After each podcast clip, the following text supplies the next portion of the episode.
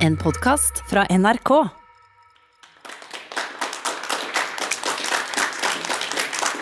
Hjertelig tusen takk, kjære publikum, kjære P2-lyttere. Velkommen til nok en runde av lytring her i Stormen bibliotek i Bodø. Et eh, arrangement som drives av et samarbeid mellom Nord universitet, Nordlandsforskning og Stormen bibliotek. Temaet i dag er høyaktuelt. Vi skal rett og slett se på hvor treffsikker norsk beredskap er. Vi gjør det mens debatten går for fullt. Og ikke minst så stiller vi altså det spørsmålet om beredskap og sikkerhet fra en landsdel som ligger et stykke unna de som beslutter hvilken beredskap vi skal ha. Og det er en landsdel hvor de geografiske avstandene mellom aktørene er ganske lang. Mitt navn er Arne O. Holm. Jeg er redaktør i nyhetsavisen High Norse News, som skriver om dette temaet og andre ting innenfor politikk og næringsliv i Arktis og nordområdene. Med meg for å diskutere dette har jeg et bredt anlagt panel her i Stormen. Og Jeg vil gjerne begynne med deg, Elisabeth Aarsæter, som er direktør i Direktoratet for samfunnssikkerhet og beredskap, som jeg kommer til å kalle DSB, hvis jeg skal si det en gang til. Uh, din oppgave, eller Direktoratet sin oppgave det er å ha en oversikt over risiko og sårbarhet i samfunnet. Å være en pådriver i arbeidet med å forebygge ulykker og kriser og skal sørge for god beredskap. Ingen dårlig ambisjon. Og så er det nettopp kommet en stortingsmelding som omhandler dette temaet. Hva står det i den stortingsmeldinga, og hvorfor trengte vi en stortingsmelding om det nå? Ja, En sånn stortingsmelding på 30 sekunder, da, det tror jeg at jeg skal si fra dem som har skrevet den. Det er jo sånn at En stortingsmelding det heter visst 'melding til Stortinget', heter det. For det er regjeringen som avgir den til Stortinget, og så slutter Stortinget seg til, eller legger på mer ambisjoner eller trekker fra. Men det som jeg har sett med den meldingen, det er det at Stortinget vil ikke noe mindre enn regjering på, på beredskap. Alle er enige om at forebygging er det som gjelder. Den forrige store meldingen handlet om beredskap. Nå handler den om forebygging. Og Det går ikke an å skille dette fra hverandre. Alt henger sammen med alt. Og Den kom midt i pandemitiden.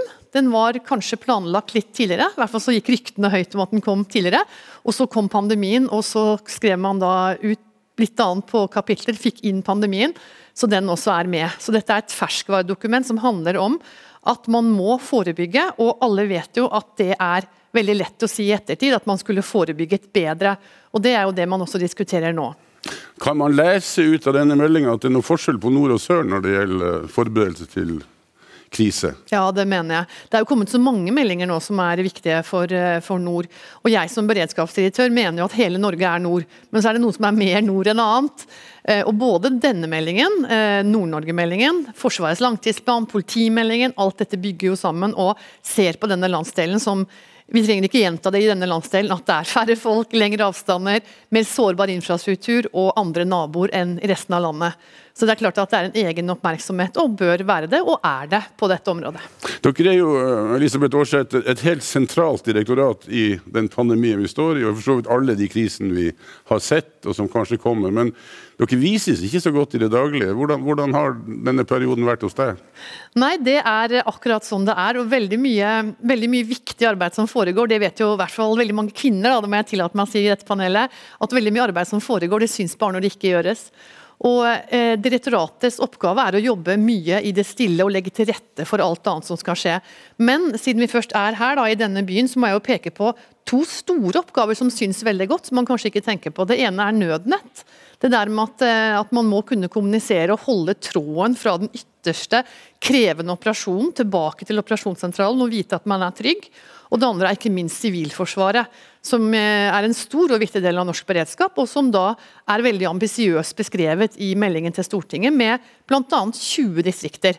Det skiller seg jo fra annen distrikts- og regioninndeling i staten, men her slår regjeringen fast, støttes av Stortinget, på at Sivilforsvaret er så viktig at antall føtter på bakken, antall eh, mann og kvinner til pumpene, bare vil bli viktigere. fordi nå kommer det jo den neste krisen kommer, og kanskje er det noe helt annet. Kanskje er det klima, kanskje er det ja, enda mer natur. Så det er svært vesentlige deler av beredskapen. Men det heter ikke DSB. Du vet, Et konsern har mange, mange eh, merkevarer. Uh, vi skal flytte oss litt. Du holder til i Tønsberg? Ja, Jeg holder til her i Bodø også, jeg, men hovedkontoret ligger i Tønsberg. Hovedkontoret i Tønsberg. Så vi skal flytte oss fra hovedkontoret i hvert fall, eh, til eh, nordover til et del av panelet som består av folk som er tett på situasjonen her oppe. Og da har jeg med meg bl.a. professor Odd Jarl Borch ved Nord universitet. Han har bygd opp noe som heter Nordlab, som er et eget senter for sikkerhet og beredskap.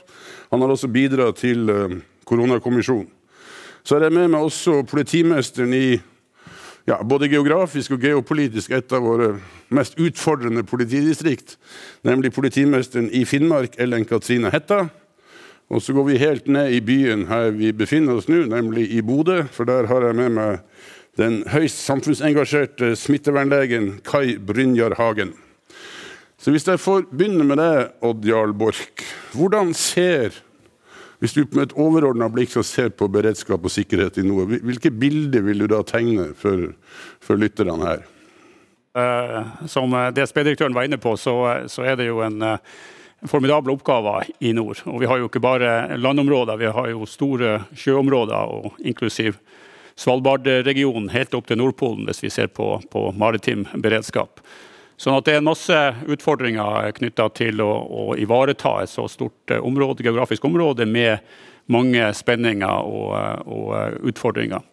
Det vi ser er jo at um, Vi har jo også si, mye utkant, eller mange distrikter som ligger langt borte fra uh, kjerneområdene innenfor der beredskapen er plassert i, i byområdene. gjerne. Det gjør at vi får en, en god del utfordringer knytta til å ivareta en god nok beredskap og, og lese nødetatene sine kapasiteter i, i ytterdistriktene. Det er kanskje den største eh, utfordringa i dag. Hvilke, Bork, hvilke, aktører er det vi snakker om her når vi skal snakke om eh, samordning og samarbeid av aktører innenfor dette området? Ja, vi snakker jo først og fremst selvfølgelig om, eh, om eh, brann og politi og, og helse som, eh, som kjerneaktører med de støtteorganisasjonene som f.eks. Sivilforsvaret representerer. Så har vi jo også Forsvaret som en, en fantastisk viktig ressurs, som vi så i, i Gjerdrum-raset f.eks., hvor, de, hvor de gjorde en formidabel innsats, de også. Sånn at vi har, vi har en, en, behov for et samspill mellom mange. Men det er de primære beredskapsetatene, altså nødetatene, pluss kommunene, må vi, kunne, må vi si også, som, som, har det største ansvaret. Mm.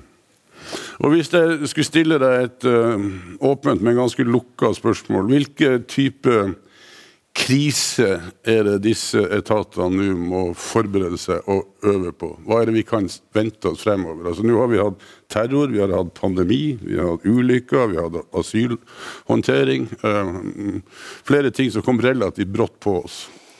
Ja, har jo DSB vært flink til å, å lage realistiske krisescenarioer. og Der er jo en portefølje der som vi eh, gjør nok best i å gå gjennom alle sammen og se på hva er vi godt forberedt på, og hvor er vi mindre godt forberedt. Men vi ser jo at, at miljøskapte kriser er, er, der ute og blir sannsynligvis en, en, større faktor. Så får vi sikkert høre fra Hetta dette med, med hybride og sammensatte trusler, som jo er en voldsomt uh, uoversiktlig greie, men, men som har sin utgangspunkt i, i, eh, i, noen som ikke vil oss vel, altså destruktive krefter. Og som gjør at vi stilles på overfor mange utfordringer knyttet til samvirke mellom aktører som kanskje ikke samarbeider så mye til daglig, og som gjør at vi rett og slett må tenke nytt og, og trene og øve for det.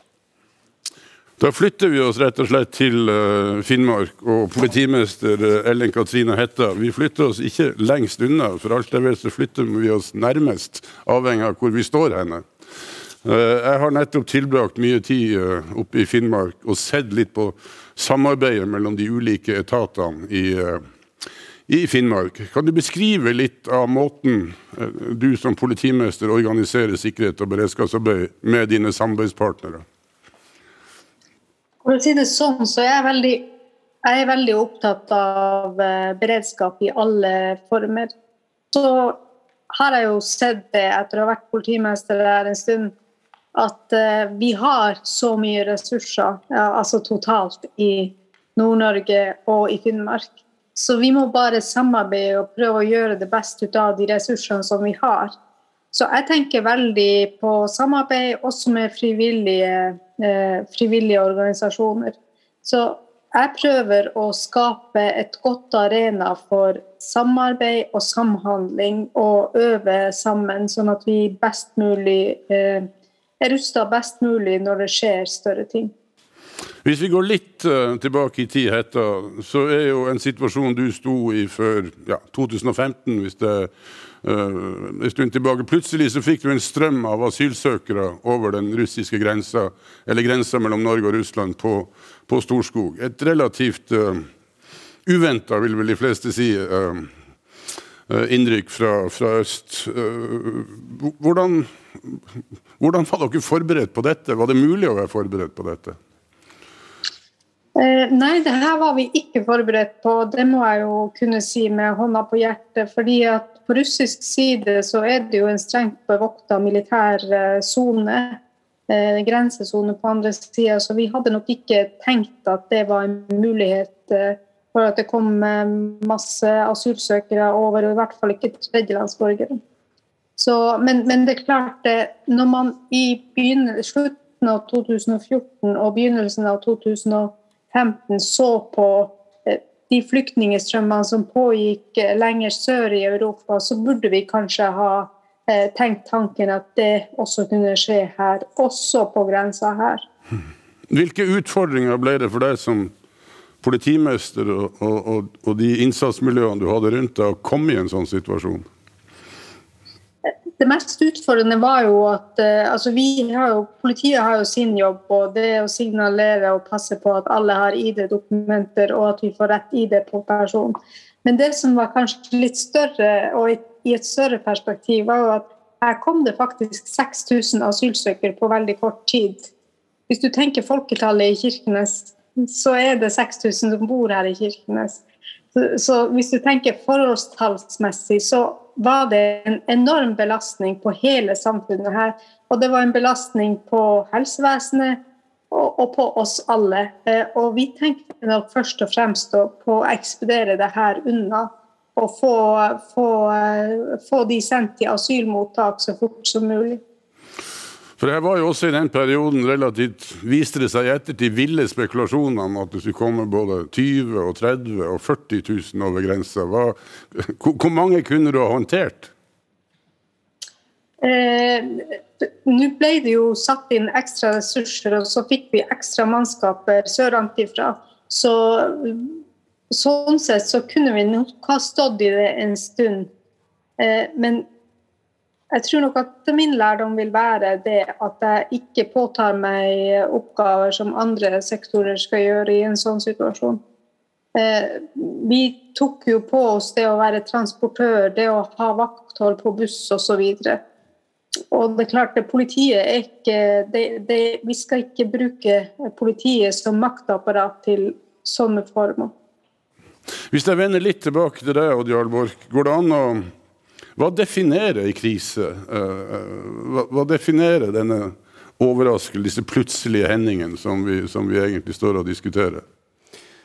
Ja, den, den si, tøffe krisen er jo den som er sammensatt, sånn som vi så ja, på, si, på, på, Storskog, og som vi så i, på Gjerdrum for den saks skyld. Vi, uh, uforutsigbarhet er selvfølgelig en dimensjon. Og det aller verste er hvis du får denne kombinasjonen av av uforutsigbarhet og eh, langvarighet, eh, hvor vi må takle ting over lengre tid, og vi vet ikke hva som kommer rundt neste sving. Det som eh, var kjennetegnet på, på Storskog, var jo at eh, sentralmakta, om man vil, eller den nasjonale beredskapen, var særdeles sein til å reagere. Inklusiv DSB. Det tror jeg ikke vil, vil, skje en gang til. Det man så under koronakrisen nå, var at man fikk et hadde et mye bedre system eh, innenfor fagkanal som helse opp mot fra, fra smitteoverlegen i Bodø kommune opp til, til Helsedirektoratet og, og, departement. Og DSB gjorde en stor rolle i denne såkalte samordningskanalen med å samordne informasjonsstrømmene fra kommuner opp mot statsforvalter og videre til nasjonalt nivå. Så, så der har skjedd uh, veldig mye. Men, uh, men så vi vil ikke bli så overraska og vi vil ikke reagere så seint som vi så i tilfellet Storskog.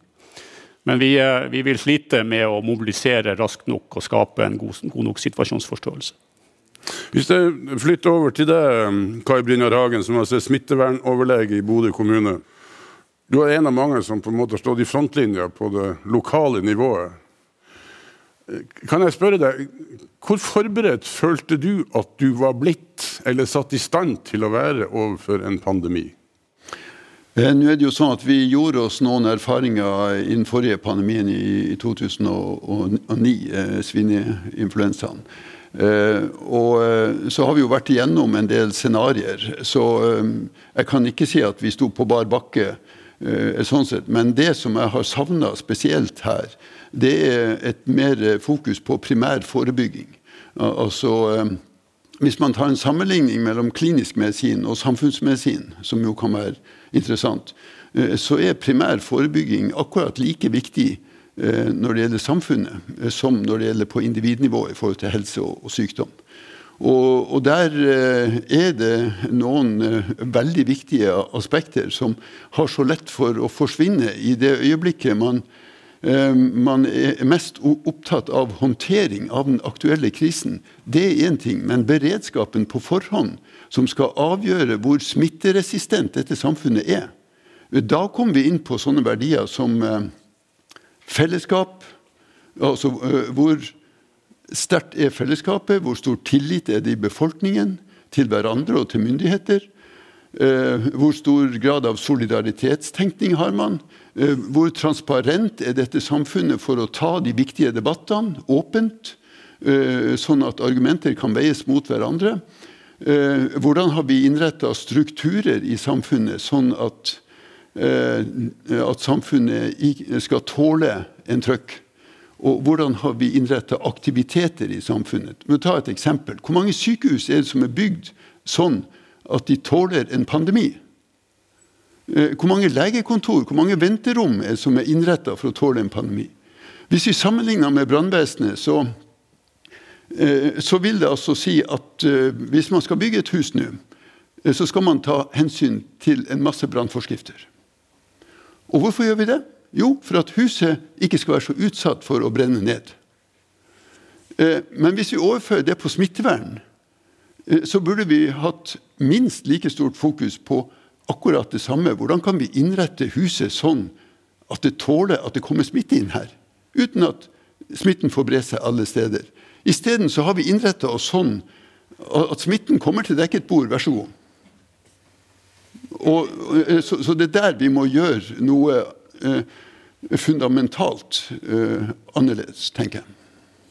Eh, du lytter akkurat nå til eh, debatt i P2, hvor dagens tema er hvor treffsikker er norsk sikkerhet og beredskap, og hvor god er vi på krisehåndtering. Kai Hva når du beskriver denne situasjonen, sett fra ditt ståsted? Den, den, la oss oppsummere det som manglende forberedelse, både arkitektonisk og på annet vis. Dette er jo tanker som du antagelig har hatt i mange år. Hvem er det du går til å bære dette frem for å si at her må vi gjøre noe med?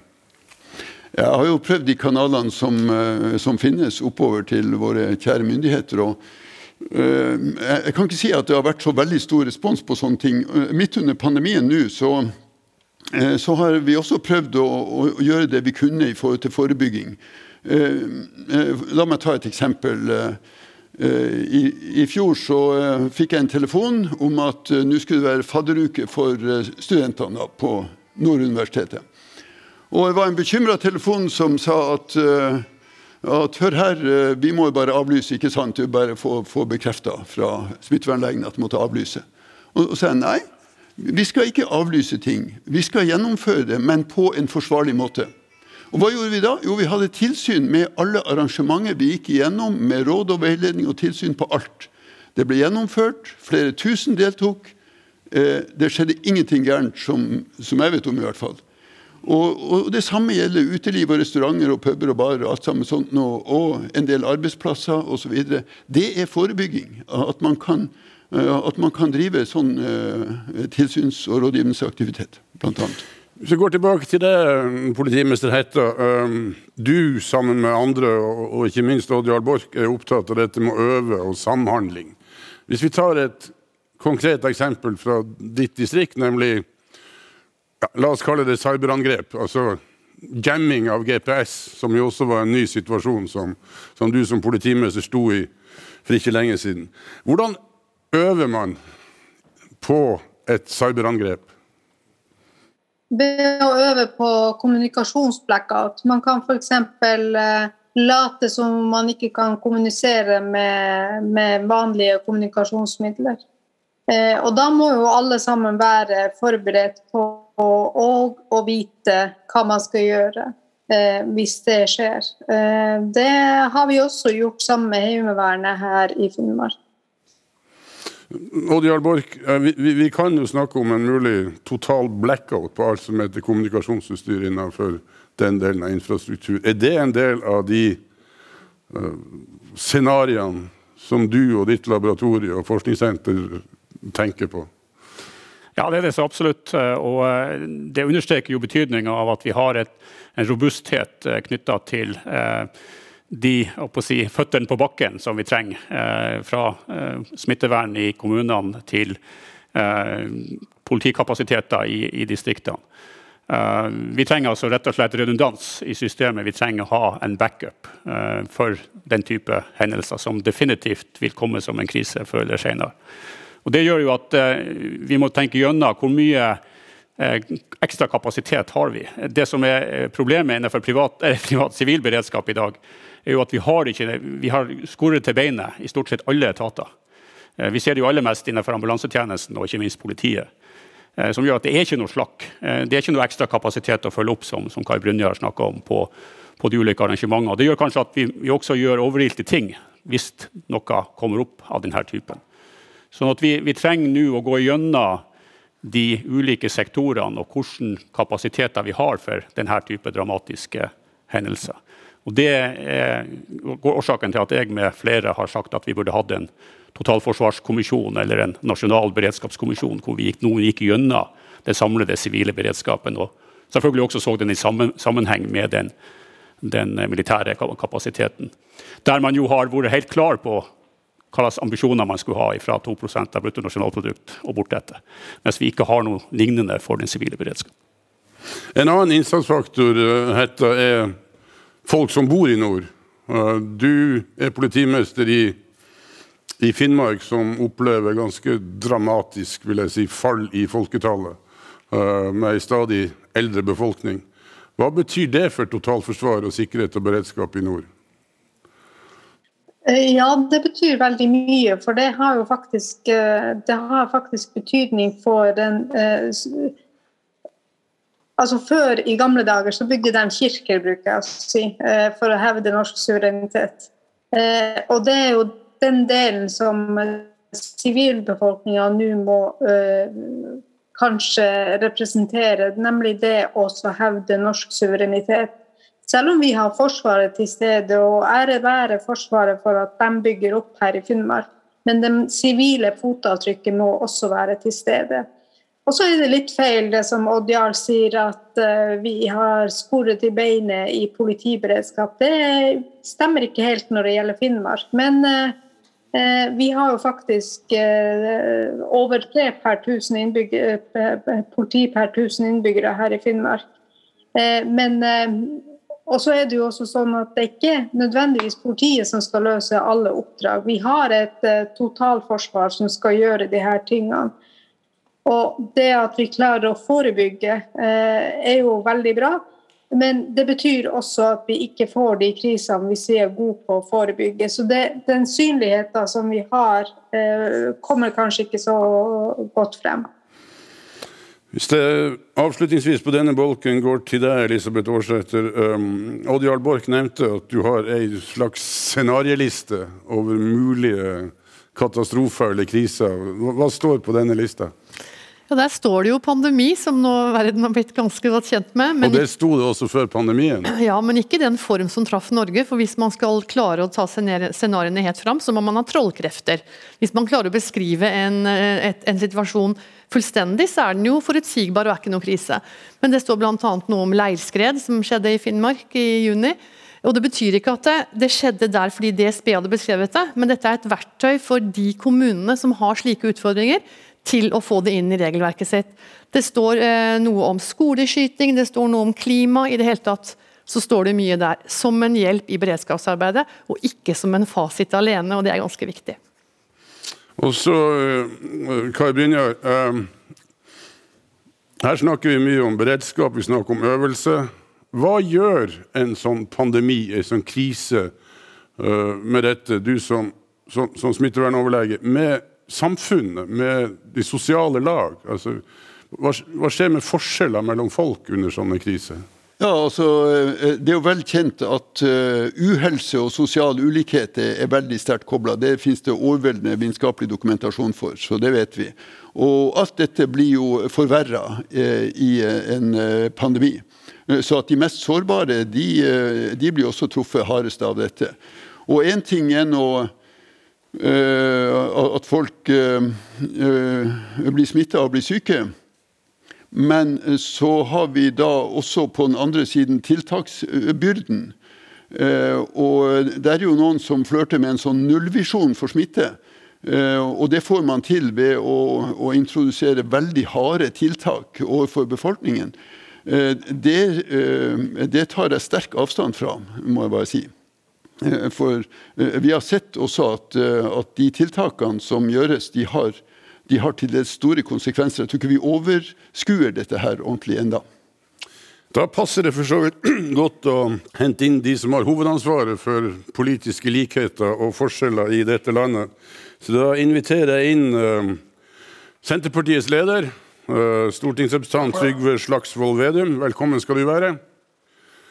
Tusen takk. Høyres førstekandidat her i Nordland uh, til Stortinget. Eh, Bård Ludvig Thorheim, som også har internasjonal bakgrunn, eh, og har jobba med krisehåndtering bl.a. i regi av eh, Utenriksdepartementet.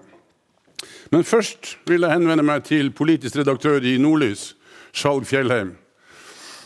Det vi har hørt nå innledningsvis her, hvordan passer det inn i en sentrum-periferianalyse, sånn som vi er vant til å tenke rundt? Er det kjennetegn her som vi har sett før? Jeg vil si, jeg vil si at uh, spørsmålet om beredskap, og også det vi har hørt i, i denne samtalen uh, i dag, uh, henger veldig nøye sammen med sentrum-periferi altså selve urfortellinga i norsk politikk. Og Det vi har sett eh, siden stortingsvalget i 2017 og frem til i dag, er jo at spørsmålet om beredskap er veldig tett knytta sammen til nettopp denne by-land-dimensjonen. Følelsen av utenforskap i den norske periferien. Enten det dreier seg om eh, mangel på politiressurser, om det er Forsvarets tilstedeværelse, om det er fødestuer, lokalsykehus osv. Så, videre. så jeg vil absolutt si at det, det sentrum-periferi er en sentralt element i, i denne diskusjonen.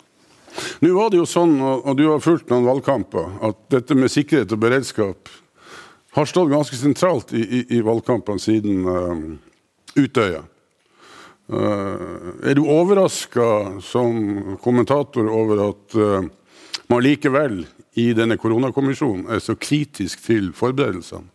Ja, eh, man kan jo si at det er det er jo spesielt, da. Hvis vi går tilbake til 2011 eh, og den terrorhendelsen eh, som traff eh, Norge da, eh, så ble det nedsatt en kommisjon som kom med skarp kritikk av regjeringa og mangelfull beredskap. Norge var ikke forberedt på den type hendelser.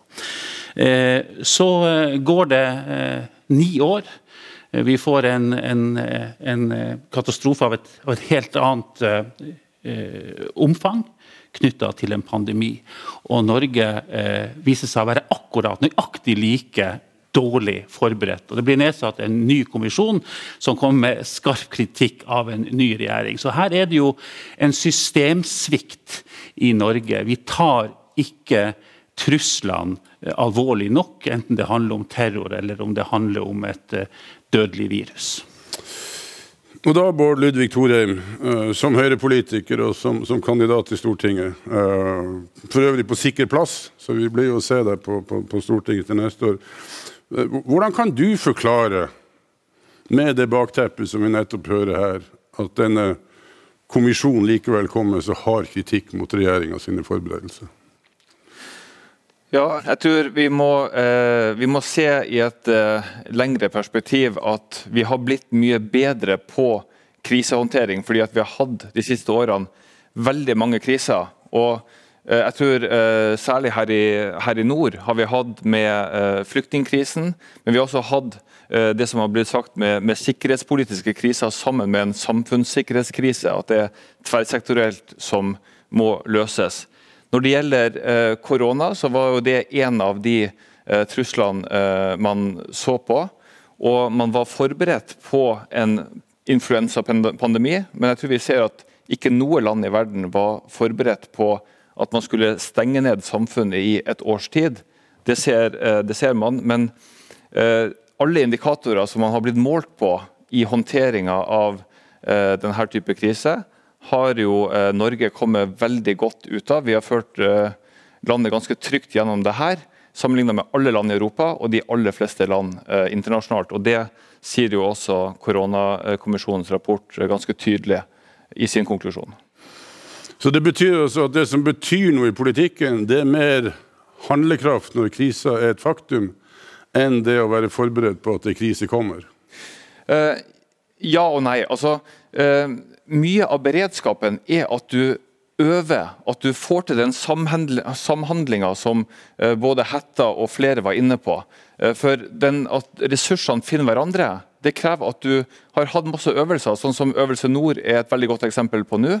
Eh, at man er forberedt. Men selvfølgelig så skal man, så skal man jo også ta kritikk på f.eks. at beredskapslager for munnbind var for dårlig for helsesektoren. Altså Det er mye, mange læringspunkter og mye man må gjøre bedre. Men jeg tror det her at man klarer å samvirke sammen, at man er beredt til å gjøre det, det er vi mye bedre på nå enn vi har vært kanskje noen gang i Norge. Du lytter altså til debatt i P2, hvor dagens tema er hvor treffsikker norsk sikkerhet og beredskapspolitikk er, om vi er gode på krisehåndtering. Og Trygve Slagsvold Vedum, når jeg leser eh, innstillinga fra justiskomiteen som eh, behandler denne meldinga om sikkerhet og beredskap, så ser det ut som det er bare opposisjonen som var forberedt på at det skulle komme ei krise. Når vi snakker om beredskap og eh, også den samfunnssikkerhetsmeldinga, så må vi måtte være bevisst på at det, det her er noe vi alle har et ansvar for, men noe som har vært hovedproblemet i beredskapsdebatten, er at vi er mye flinkere til å diskutere det etterpå enn i forkant. og Jeg vil jo bruke det her smittevernutstyr som et uh, eksempel. For det var debatt i Stortinget også året før uh, pandemien kom. Blant annet min partifelle Kjersti Toppe stilte spørsmål til da folkehelseminister uh, Listhaug om har man gode nok smitteplaner, smitteberedskap rundt i kommunene. og Da svarte hun ja, det er gode, hovedsvaret er kommunesammenslåing. Og Det er ikke fordi jeg ønsker å fordele noen skyld, men det som jeg tror har vært et problem, er at vi er så opptatt av alle liksom, hverdagsutfordringene. Det er barnetrygd, barnehager, alle de diskusjonene, sånn at beredskap har kommet i etterkant. og Derfor har vi i flere runder også foreslått en totalberedskapskommisjon. Vi har foreslått i Stortinget mange ganger nå før pandemien kom. Vi mente at vi burde hatt en total gjennomgang av samfunnsberedskapen. For i et land som Norge så, så vil også mye av beredskapsarbeidet handle om å mobilisere det sivile samfunnet og, og samfunnets totale ressurser. Ikke bare forsvar, politi eller helse, som man tenker, eller bra, men, men den totale beredskapen. og så jeg har ikke noe ønske her i en sånn uh, reflektert runde som vi har nå, som fordeler noe skyld. Nå skal vi ha en behandling, vi skal ha, ha, en diskusjon. Men jeg mener at det hadde vært klokt det som vi i Senterpartiet har foreslått i flere runder, å ha en totalgjennomgang av beredskapen. Men det har til nå blitt eh, nedstemt. Men jeg tror kanskje at det er et, en større forståelse for det i dag enn det var for fire-fem år siden når vi begynte å foreslå det her. Du er en garva politiker, Slagsvold Vedum, og du må hjelpe meg til til å forstå dette litt. Eh, du har vært med lenge. og hvis vi har Utøya som et slags referansepunkt Når vi leser Gjørv-rapporten, og så leser vi den koronaanalysen som er kommet nå, midtveis i og for seg i en, i en, i en pandemi Så Utøya skjedde jo mens satt, eller partiet de satt i regjering, og det ble et referansepunkt. Men hva er det som skjer politisk når man får en rapport nå så lenge etter som på mange punkt retter samme type kritikk som den forrige regjeringa fikk etter eh, Utøya. Jeg har lyst til å ta tak i noen ting i forlengelsen av det. for jeg mener jo at Statsminister Erna Solberg hadde jo noen ideer når hun ble statsminister. Hun ville jo først opprette et sånt beredskapselement på, på statsministerens kontor for å vise handlekraft. Hun hadde en egen statssekretær også for beredskap. Og så viste det at det det fungerte ikke i måte, diskusjonen mellom det som kalles SMK, da, statsministerens kontor, og Justisdepartementet. Og så I neste runde så valgte hun å opprette en beredskapsminister med, med Tybring, eh, Ingvild Tybring-Gjedde. Og hun valgte også å ha en egen folkehelseminister med Sylvi Lysthaug. Og det som jeg tror har vært litt, litt som problem, Det har sikkert vært gode hensikter med det, men det har vært at man har rett og slett både Tybring-Gjedde hadde ikke noe klart mandat, noe klar oppgave, Hvis det ble bare en slags prosessrunde i regjering. Folkehelseminister Sylvi Listhaug Eh, hadde heller ikke noe klart mandat, så det ble en slags diskusjon med Bent Høie. Hvem har ansvar f.eks. når det gjelder smittevernberedskap? Så jeg tror noe av lærdommen fra de sju-åtte åra her, i hvert fall det å tenke at du skal opprette stadig flere statsrådsposter, ulike elementer på SMK, at det er feil vei å gå. At vi heller må klare oss å styrke en del av de departementspostene som vi allerede har, og at det er tydeliggjort hvem som har ansvar. Men det er jo faktisk sånn, eh, Bård Ludvig Thorheim, at valget i 2013 og for så vidt også valget i 2017. Selv om altså Slagsvold Vedum sier at dette må man heller prøve å enes om enn å krangle om, så gjorde jo ditt parti nettopp beredskap til en av sine hovedsaker under, under det valget. Og så får man altså en rapport som denne koronakommisjonen i ettertid. Er beredskap, Var det bare et spill for galleriet når man gikk til valg på å styrke beredskapen i Norge? Uh, nei, det var det uh, virkelig ikke. Og uh, Høyre er, har alltid vært veldig opptatt av sikkerhet og beredskap. Det, vi skal ta vare på sikkerheten til våre borgere. Det ligger veldig dypt i partiet vårt. Men det som Slagsvold Vedum er inne på, jeg, jeg følger han langt på vei i at vi har, jo, vi har, et system hvor hver statsråd er ansvarlig for sitt område. Og, og Under det området så er det jo veldig mye som skjer. Helsedepartementet, Vi har jo sett nå, vi har alle blitt kjent med uh, Helsedirektoratet og FHI og linja ned til kommuneoverlegene og sykehusene. Uh, så det er uh, veldig mye man har ansvar for. og Det å ha et sånn her nasjonalt sikkerhetsråd på toppen som skal sitte på kommandohøydene og, og, og styre alt, da kan man miste mye. Men det her vil alltid, jeg tror det her kommer til å være en gjenganger i nesten alle evalueringer. Eh, altså, det ene er hensynet til at du må ha en sterk sentral ledelse som gir ut liksom, ordre eh, når det virkelig trengs, men at du også bevarer ansvar for hver, som hver enkelt, hver enkelt eh, politidistrikt eh, har, eh, altså på et eh, taktisk og operasjonelt nivå. Altså, du, du må ha ansvarslinjer eh, begge steder, og, og, da er det spørsmål hvordan system lager du eh, for, å, for, å, for, at alle vet hvilket ansvar de har. Men hva er, det, hva, er det, hva er, det, som er så komplisert med denne type krisehåndtering at vi som du sier, vi, må, vi kommer til å få den debatten hver gang om hvem som har ansvaret? Ja, eh, det, det, er fordi at eh, vi har noen land, som, sånn som i Storbritannia, som har valgt nettopp å ha en, eh, og USA for så vidt, som har en veldig sterk sentralisert uh, kriseledelse. Uh, og Det kan være fordeler med det, at de f.eks. kunne bestemt tidligere om Bergen Engines at nei, den skal, nei, den skal Justisdepartementet håndtere, f.eks. Det kan være fordelen med det, men ulempen er jo at, ikke, at de enkelte sektorene ikke tar ansvaret sitt. Eh, sånn at eh, det er å finne en, eh, en, god modell, men løsninga er å øve mer. Altså Du får mange scenarioer hvor det er ulike sektorer som skal øve sammen. Det kan være noe som en trussel fra utenfor grensene og en hendelse nasjonalt som skal håndteres samtidig. Når vi klarer også at ressursene finner hverandre i ulike scenarioer, da har vi en, en god beredskap. Har vi politimesteren i Finnmark med oss fortsatt? Uh, Hetta? For her, her, snakkes det igjennom at vi må øve mer. Uh, jeg vil gjerne spørre deg, hva, hva, er det vi må øve mer på, og hvordan må vi øve? Jeg tror uh, vi har hatt en uh, tradisjon med å øve veldig stort og tenke veldig store scenarioer, og alle skal med. Og, uh, jeg tror vi i større grad må begynne å tenke og øve på de små tingene. Rett og slett få inn en drill på hva skjer hvis sånn og slik. Hvem melder jeg fra til? Eh, hvem er det som røkker ut? Har vi utstyr i orden? Har vi mannskap til å håndtere det? Istedenfor at vi tenker så altfor stort. Jeg tenker at vi må, vi må, øve på de små tingene, og så eh, heller øve mer på samhandling og situasjonsforståelse. For det, det, du sier der, det var litt den uh, refleksen jeg fikk når, når Torheim snakka. For i 2011 så var det en gummibåt som var en av de store utfordringene. Som man ikke hadde trent på. Er det den type øvelser du tenker på? Ja, jeg tenker man kunne ha, Hvis man hadde brukt en sånn gummibåt, eh, så hadde man visst hvordan det funka med så mange mann og så mye last i en sånn type båt. Eh, man kunne ha øvd på masse andre ting. Noe så enkelt som eh, som type skoleskyting, jeg liker ikke å bruke det ordet, men, men type hendelser som er veldig ekstrem, og hvor det haster å være til stede. Og så rett og slett kjøre det som en varslingsøvelse. Nå skjer det øvelse, øvelse, øvelse. Nå kjører vi i gang. Og så kutte når vi vet at uh, om vi har klart å respondere adekvat. Så skal jeg stille deg ett spørsmål til før vi går til Slagsvold Vedum. og det er disse cyberangrepene som vi ser mer og mer av. Altså, vi har hatt det mot Stortinget, vi har det mot næringslivet. Hvem sitt ansvar er det å forhindre cyberangrep?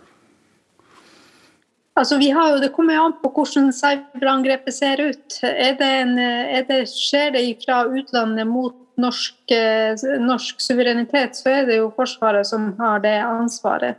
Er det kriminalitet, så er det politiet som skal håndtere det. Det er ikke så forferdelig vanskelig. Så tenker jeg at her må vi jo kunne samarbeide om et felles gode. Men det krever en avklaring en eller annen plass for å finne ut hvem som egentlig skal gå inn i dette? selv om du ikke syns det er vanskelig? Jeg tenker at Man må i hvert fall avklare, man må ha såpass oversikt over situasjonen at man vet hva det her er for noe.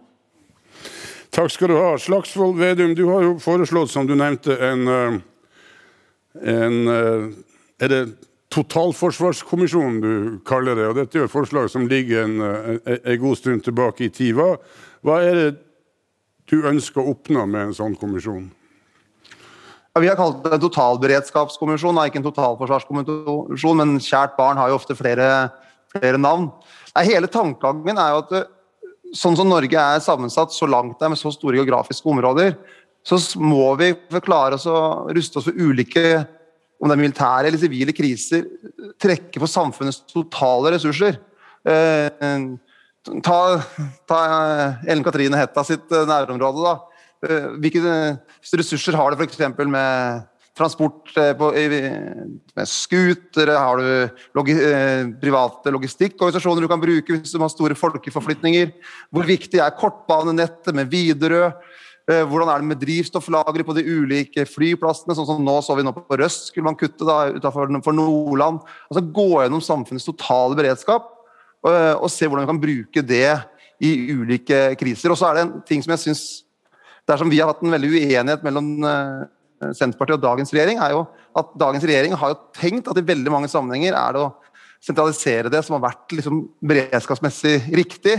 Vi mener at den taper veldig mye lokalkunnskap, lokal tilstedeværelse, med den sentraliseringa som dagens regjering har ment. Jeg vil jo tro at det mente det er rett. Og så har vi sett det i spesielt det nordligste fylket både når gjelder Andøya, Bell-helikopteret, den konstante uroen som vi har hatt rundt eh, organisering av luftambulanse det er mange ting vi må lære av av de her siste fire-fem åra som jeg mener har gjort ting til det verre. Og så til slutt da, så må vi også, I offentlig sektor nå så har det blitt en slags utvikling at vi er mer og mer redd for å gjøre feil. og Det er ekstremt viktig at vi som sitter i politisk ledelse, gir tillit til de som er lokalt. Og gir klart mandat til de som er lokalt når krise er der, til å håndtere det. og Der tror jeg vi også har en sånn eh, det er kanskje litt fint, men litt sånn tillitsreform i offentlig sektor. At man gir større tillit til lokale beslutningstakere. For det bør være så gjennomtrent og gjennomøvd at når selve krisen er der, så er det ikke jeg som ser best hva som skjer på grensa i Storskog.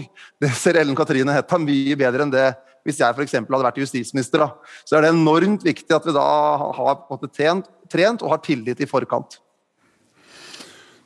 Bård Ludvig, eh, det høres jo forlokkende ut med en sånn kommisjon. Det forslaget har ligget i Stortinget ganske lenge. Hva, hva, hva, Hvorfor har vi ikke det? Hva skyldes motstand mot det? Ja, jeg støtter ikke en uh, idé om en sånn kommisjon. Uh, vi må gjerne ha det, men det er altså en veldig teoretisk øvelse. Det blir nesten som å skrive en enorm doktorgradsavhandling. Uh, fordi at det er så mye, det er så store beredskaps, beredskapsstrukturer i hver sektor og så mange scenarioer. Så jeg tror du mista helt tråden ved å lage en sånn svær greie. Altså, det blir mer en diskusjonsklubb, et seminar. Og, og det kan man ha for, for, den øvelsens skyld. Men jeg tror vi skal eh, legge merke til det her eh, som har blitt sagt av, eh, av, flere, at beredskapen i nord eh, økes. Og det fra også et nivå som har vært relativt høyt. Og eh, jeg vil legge til at det handler jo ikke alltid bare om statens, eh, altså de, de statlige eh, musklene og ressursene vi har. De er viktige, men vi har sett i pandemien at det handler om deg og meg at vi er med myndighetene i krisehåndteringa. At vi også har en beredskapstankegang.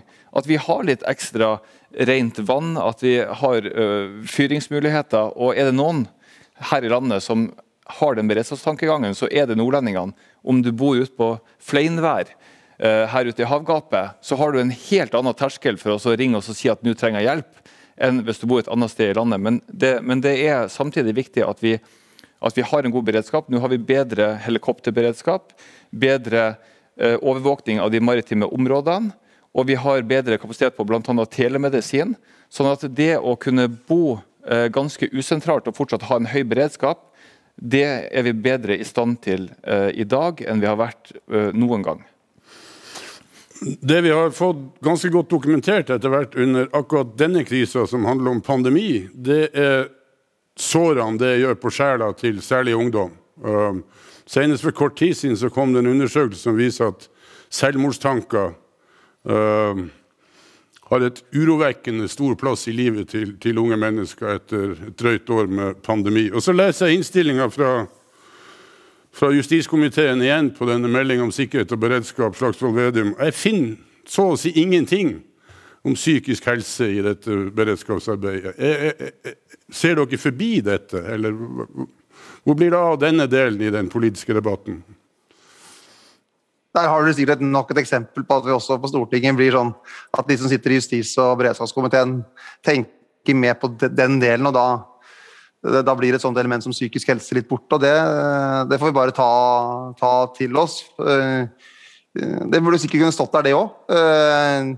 Men når jeg tenker den her, hvis jeg har lyst på å gå litt tilbake til denne totalberedskapskommisjonen fordi at eh, hvis du tar for det som nå skjer da, med at en by som Vadsø har mista 10% av innbyggerne sine, 7700 mennesker har flytta ut av de tre nordligste fylkene de siste to åra, flere enn som flytta inn.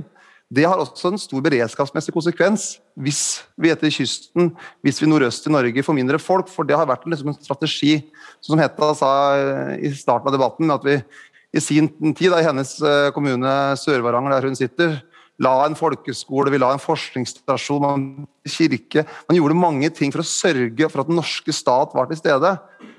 Og klart at Nå når vi får mer trafikk etter eh, kysten, sannsynligvis, det blir viktigere og viktigere sikkerhetspolitisk, så er det å ha bosetting på ja, i Berlevåg, Vardø, Vadsø, Loppa, mange, av Røst, som jeg nevnte i stad, for å dra lenger, lenger sør, veldig viktig også beredskapsmessig. og jeg tror når vi skal diskutere distriktspolitikk, så handler det også om beredskapspolitikk. og Det har vært et problem synes jeg, i diskusjonen om forsvar. at Når du har løfta en med distrikt, så har det nesten blitt sett på som noe negativt. Men jeg mener at de to tinga henger veldig veldig tett sammen, og at det er en sikkerhetspolitisk og beredskapsmessig utfordring hvis store deler av kysten tømmes for folk. Og Vi ser jo at spesielt da deler av Øst-Finnmark har veldig store utfordringer, og til og med byer sånn som Vadsø. Professor Odd Borch, ehm, du har vært tilhører nå en stund til en politisk debatt om sikkerhet og beredskap som du angriper fra et akademisk angrip i betydning analysere og jobbe med, fra, et, eh, fra en akademisk og i og for seg praktisk ståsted pga. det Nordlab, dette laboratoriet som, som du driver. Er, er, det fortsatt sånn at beredskap er noe vi snakker om like før et valg? Eh, eller det, har det fått et annet feste, tror du, i norsk politikks realisme? Ja, jeg tror, jeg tror, det siste. Eh, det skal sies til regjeringens forsvar at man i løpet av de, den perioden de har sittet med makta, har gjort ganske mye i, som et resultat av, av 22. juli-kommisjonen og oppfølging på den sida. Så det har skjedd utrolig mye med norsk beredskap. Men jeg tror at vi må gjøre en gjennomgang nå av spesielt den sivile beredskapen. Vi, vi ser at Forsvaret gjør det på sitt område med sine forsvarskommisjoner. og Det er nødvendig å gå bredere til verks. Ikke minst se på kommunene og ikke minst utkantkommunene sine, sine kapasiteter og sin, sin del av, av, den norske beredskapen. og Hvordan de eh, si, kanskje blir marginalisert. Eh, vi har også veldig mange utfordringer knytta til disse nye, nye trusselområdene som vi også må ta høyde for. Og Det gjør også at vi kanskje skal se Forsvarets ressurser og de sivile ressursene tettere opp mot hverandre. Jeg har eh, jeg si, reflektert litt, og vi har jobba litt med tilpasninger av Forsvarets investeringer til de sivile behovene, altså bistand inn i det sivile. Og vi må jo kanskje se gjennom også hva eh, totalforsvarskapasiteten er. Ikke bare se de militære ressursene også, og, og, og, de sivile si, hver for seg, men se dem sammen. Og det gjør at vi kanskje også skal se på hvordan ressursene inne i Forsvaret kan brukes kanskje mer optimalt inn i det sivile beredskapet. Politisk redaktør i Nordlys, Skjalg Fjelle. Eh, med de truslene og scenarioene vi har vært igjennom her, og hvis vi legger enda litt mer tyngde på sikkerhetspolitikk og, og, og, og situasjonen vi har uh, mellom øst og vest uh, Er dette noe som diskuteres mye i nord? Er man bekymra? Er man berolige? Altså, klarer du å si noe om hvordan situasjonen oppfattes? vi har hørt om mange ulike typer trusler i dag. Men et av de største truslene mot samfunnet vårt er jo splittelse og polarisering. Og eh, nettopp diskusjonen rundt beredskap viser jo at dette har et veldig stort potensial for å, å, å splitte velgere eh, og splitte befolkninga også her i nord. Norge er jo et egalitært samfunn bygd på stor grad av likhet. Forståelsen av at vi skal ha like muligheter uansett hvor i landet vi bor. Det har vært stor grad av politisk enighet om dette, også i politikk knytta til sikkerhet, trygghet og beredskap i etterkrigstida. Men vi ser jo nå tendenser i norsk politikk til at dette kanskje, denne enigheten er i ferd med å forvitre. Og jeg tror nettopp denne splittelsen som vi ser i dag, er en, en, i sum en vel så stor trussel som disse uh, fysiske truslene vi, vi snakker om i denne debatten. Eller er det ikke av og til sånn at politisk motstand og uenighet er det som skaper fremdrift? Jo, det kan man godt si, men jeg tror at det å sørge for at vi har en god beredskap i hele det langstrakte landet vårt nettopp er et slags botemiddel eh, mot polarisering. Altså noe som kan binde Norge sammen i større grad enn det vi ser i det politiske ordskiftet i dag. Og Det er jo noe som både forskning og politikk og og beredskapsetatene sjøl kan bidra til, og også vi som jobber i media. Du har eh, nettopp hørt en debatt fra Stormen bibliotek i Bodø under eh, programmet Lytring. Med meg her i Bodø har jeg hatt Trygve Slagsvold Vedum, Ellen Katrine Hetta, Elisabeth Aarsæter, Skjalg Fjellheim, Bård Ludvig Thorheim, Kai Brynjar Hagen, Odd Jarl Borch. Tusen takk til paneldeltakerne, til publikum her i salen, til lytterne. Mitt navn er Arne O. Holm, jeg er redaktør i Hainar News.